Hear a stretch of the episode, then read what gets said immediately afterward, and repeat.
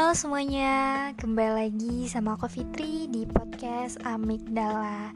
Nah udah dua minggu nih aku nggak update podcast Karena emang dalam minggu-minggu ini aku tuh lagi UTS Nah bagi kalian yang mahasiswa pasti tahu bang Kalau lagi di minggu-minggu UTS itu bakal padat waktunya jadi aku nggak sempat buat konten podcast.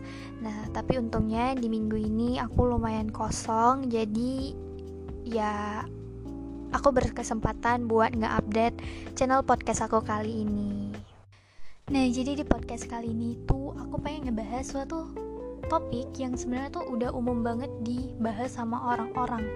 Tapi uh, topik ini tuh pengen aku bahas dari sudut pandang aku dan pengalaman aku juga. Topik yang bakal kita bawain di malam ini itu tentang LDR atau long distance relationship. Atau hubungan jarak jauh. Nah pasti semua orang itu udah tahu apa itu LDR ya. Gak perlu aku jelasin lagi dari awal LDR itu gimana. Dari aku sendiri sih udah menjalani LDR ini selama 2 tahun. Dan aku dengan pasangan aku tuh LDR beda kota dan beda pulau. Jadi aku di Medan dan dia di Jatinangor. Uh, alasan kami LDR itu karena sama-sama memang lagi pendidikan. Selama 2 tahun aku menjalani hubungan ini benar-benar banyak suka dan dukanya. Ya walaupun sebenarnya lebih banyak dukanya dibanding sukanya ya. Tapi sebenarnya dari hal-hal itu sih yang jadi pembelajaran hidup dan juga pendewasaan diri gitu nah jadi aku tuh pengen ngebahas dulu suka yang aku rasain ketika aku menjalani LDR ini. Mungkin sukanya itu aku menjadi orang yang lebih mandiri gitu dan aku nggak ketergantungan sama pasangan. Ketergantungan yang dimaksud di sini tuh bukan berarti kita sama sekali tidak membutuhkan dia.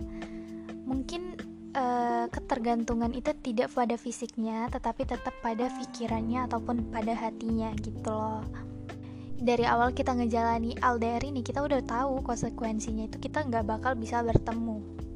Nah jadi secara otomatis tuh fisiknya memang nggak bisa hadir gitu. Itu konsekuensi dari awal yang kita tahu gitu. Kalau LDR ya pasti kita nggak bisa ketemu gitu. Kadang kita ngelihat pasangan lain kayak enak gitu ya diantar jemput sementara kita kayak aduh harus naik gojek lagi tiap hari yang akhirnya dari keterbatasan itu bisa buat kita jauh lebih mandiri.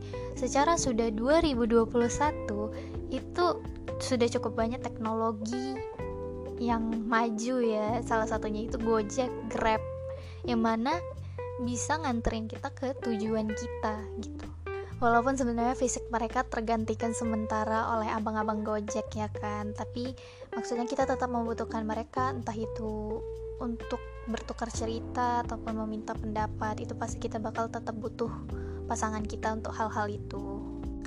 Dan sukanya yang dari kedua itu mungkin kita jauh lebih menghargai waktu.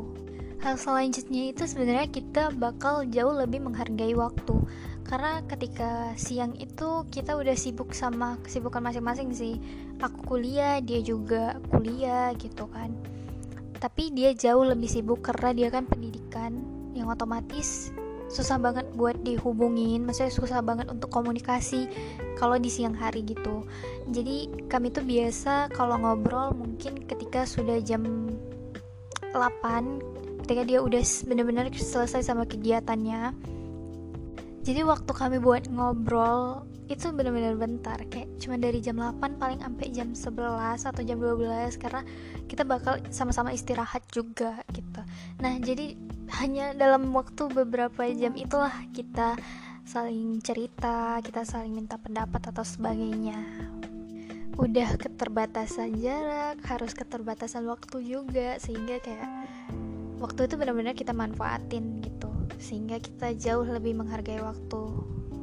Tapi yang namanya suatu hubungan itu nggak bakal terlepas dari yang namanya konflik. Konflik itu pasti tetap ada apalagi yang ngejalanin LDR tapi kalau misalnya kita bisa mengatasi konflik itu dengan baik itu tuh bakal ada hasilnya. Sebenarnya kita bakal lebih mengenal pasangan kita ataupun kita bakal lebih mengerti suatu situasi gitu. Kalau di aku sendiri ya sebenarnya kayak yang jadi konflik itu dari masalah-masalah sepele yang akhirnya jadi masalah besar. Dan hal itu tuh yang sulit kali dihindarin masalah sepelenya tuh kayak kita lupa ngabarin. Maksudnya kan kadang kita ke distract sama sesuatu yang akhirnya bikin kita nggak fokus gitu kan. Nah buruknya LDR ini bakal overthinking kayak misalnya nggak dibalas lama aduh apa dia cerita nama orang lain?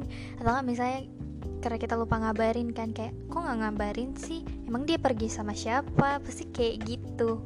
Walaupun sebenarnya kita tuh udah tahu tapi nggak tahu kenapa muncul aja gitu perasaan-perasaan buruk itu. Itu sih hal-hal yang harus kita hindari dari LDR overthinking. Itu tuh sama aja kayak kita ngebuang-buang tenaga dan pikiran aja sih. Tapi ya namanya manusia pasti gak bisa lepas sih dari yang namanya overthinking. Dan juga buat ngindarin masalah sepele itu mending kita jangan berekspektasi sama pasangan kita. Karena dari ekspektasi-ekspektasi itu sih yang bakal membuat masalah. Kayak kita ngerasa apa yang kita mau tuh nggak dapet. Tapi ada satu hal yang pengen aku bahas sih kayak orang-orang zaman dulu itu ngejalanin LDR bahkan orang tua aku juga LDR selama 3 tahun.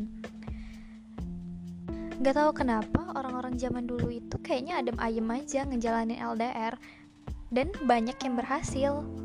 Salah satunya mama aku sama ayahku. Mereka terpaksa LDR karena uh, waktu itu lagi ada pindah dinas dan sama-sama kerja sih. Jadi nggak memang harus LDR gitu. Padahal zaman dulu itu keterbatasan komunikasi. Mereka bertukar kabar itu cuma sebulan sekali, coy Sementara kita yang bisa tiap detik ngelihat mukanya, tiap detik bisa ngedengar suaranya, tiap detik bisa ngabarin mau ke mana, di mana, sama siapa, dan bahkan dengan segala kemajuan teknologi kita bisa tahu pasangan kita tuh lagi di mana. Kenapa hal-hal yang dengan segala kemajuan itu bisa bikin orang gagal? Dari hal itu sebenarnya aku belajar, ya mereka itu ngejaga yang namanya komitmen menurut aku ketika kita ngejalanin LDR itu komitmen itu nomor satu kepercayaan itu nomor dua dan komunikasi itu nomor tiga. Karena menurut aku kalau ketika kita sudah komitmen maka kita tuh bakal jauh lebih bertanggung jawab dengan segala tindakan kita dan selalu nginget tujuan kita tuh apa. Yang pada akhirnya ketika kita udah megang komitmen itu maka bakal tumbuh rasa percaya dan barulah kita ngejaga hubungan dengan komunikasi. Rasa percaya dari masing-masing individu itu kan berbeda. Nah, kalau dari aku sendiri sih, ketika semua yang dia katain itu menurut aku udah benar gitu. Pokoknya semua yang udah keluar dari mulut dia, aku anggap itu benar. Karena menurut aku jangan sampai kita ke distract sama omongan orang gitu. Kayak yang ngejalanin hubungan ini tuh kita. Jadi yang sama-sama tahu tuh kita. Jadi nggak perlu lah kita ke distract sama omongan orang. Yang akhirnya malah itu yang bikin jadi masalah lagi masalah lagi gitu. Kalau komunikasi buat LDR sendiri sih menurut aku bener-bener semuanya tuh emang harus diomongin. Mau yang itu penting gak penting mau yang bener mau yang salah itu tuh harus sama-sama diomongin gitu. Jadi ke depannya tuh mungkin bakal ada jalan keluarnya daripada kita diem mendem yang akhirnya nanti ujungnya kita marah-marah nggak jelas kayak karena kita udah terlanjur memendam itu semua gitu loh. Padahal sebenarnya hal-hal itu bisa kita diskusikan. Kalau buat komunikasi sendiri sih mungkin aku ngerasa aku masih ada kurangnya. Karena gimana ya ya namanya cewek itu kalau misalnya lagi dapet itu kan kayak nggak mood. Terus uh, ketika lagi nelpon ataupun lagi chat aku tuh kayak balesnya singkat-singkat gitu loh dan jawabnya tuh kayak jutek-jutek gitu. Nah sementara dia tuh entah dia lagi pengen cerita atau apa tapi aku nggak tahu gitu. Dan aku nggak bilang kayak aku lagi dapet jadi aku lagi males ngomong gitu. Aku malah kayak enggak lah aku nggak apa-apa. Kayak namanya juga cewek ya kan? Nah jadi hal-hal itu sih yang ya ujung-ujungnya dia kesel kayak kok aku dicuekin? Kok aku dijutekin gitu kan. Emang aku salah apa? Padahal dari kitanya sendiri gitu loh. Nah gimana ya? Aku masih mencoba untuk mengurangi hal tersebut karena susah kali untuk ngilangin mood-mutan ketika kita lagi dapet. Nah itu kan ujung-ujungnya berantem kan. Ketika udah berantem baru ngomong. Itu sih. Jadi mending kita ngomong di awal jadi akhirnya kita tuh dapat titik tengah sama-sama ngerti gitu oh berat dia lagi nggak pengen diganggu aku mungkin ngomongnya nanti aja gitu. Nah jadi buat kalian yang lagi ngejalani LDR Sebenarnya kalian itu termasuk orang-orang yang kuat sih. Orang-orang yang kuat nahan rindu Orang-orang yang kuat untuk menjadi orang yang mandiri Orang-orang yang sabar Orang-orang yang menghargai waktu Jadi kalian tuh jangan ke distract sama salah satu quotes yang sempat booming kemarin ya. Katanya 85% orang yang menjalani LDR itu pasti gagal. Dan 15% nya lagi nggak berhasil. Dah jangan ke distract sama quotes itu. Masih banyak orang di luar sana yang ngejalani LDR mereka bisa berhasil gitu.